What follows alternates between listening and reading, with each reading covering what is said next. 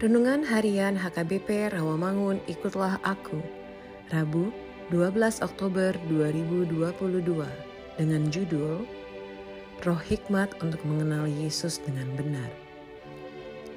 Bacaan kita pagi ini tertulis dalam Markus 6 ayat 14 sampai 29. Bacaan kita malam ini tertulis dalam Nehemia 1 ayat 1 sampai 11 dan kebenaran firman Tuhan yang menjadi ayat renungan kita hari ini tertulis dalam Efesus 1 ayat 17 yang berbunyi dan meminta kepada Allah Tuhan kita Yesus Kristus yaitu Bapa yang mulia itu supaya ia memberikan kepadamu roh hikmat dan wahyu untuk mengenal dia dengan benar. Demikian firman Tuhan.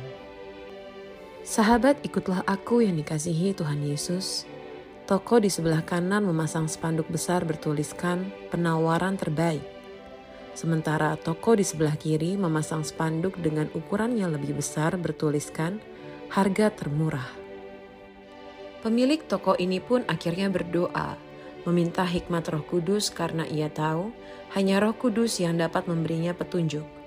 Dan benar, iman pemilik toko ini membawa hikmat Tuhan turun atas hidupnya sehingga akhirnya pemilik toko memiliki ide yang sungguh brilian, yakni memasang spanduk lebih besar lagi tepat di depan tokonya sendiri bertuliskan pintu masuk utama. Tak lama setelah itu, banyak sekali pengunjung datang ke tokonya sampai pemilik toko kewalahan melayani permintaan pengunjung. Kisah ini hanya sebuah ilustrasi, tetapi inilah gambaran dari hikmat yang sering kali tidak terpikirkan manusia.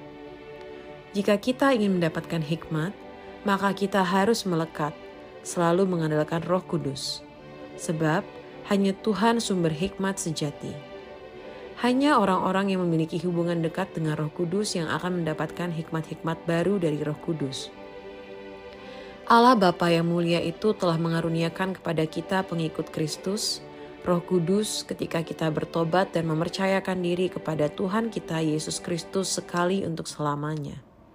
Roh Kudus itu memberikan kita hikmat yang memungkinkan kita mengetahui hal-hal rohani dan mewahyukan kepada kita hal-hal rohani yang rahasia dan terselubung, sehingga kita bertumbuh dalam pengenalan yang benar akan Allah. Amin. Marilah kita berdoa. Ya Tuhan Yesus, berikanlah kepada kami rohmu yang kudus, supaya kami dibimbing untuk mengerti kehendak Tuhan dalam kehidupan kami. Amin.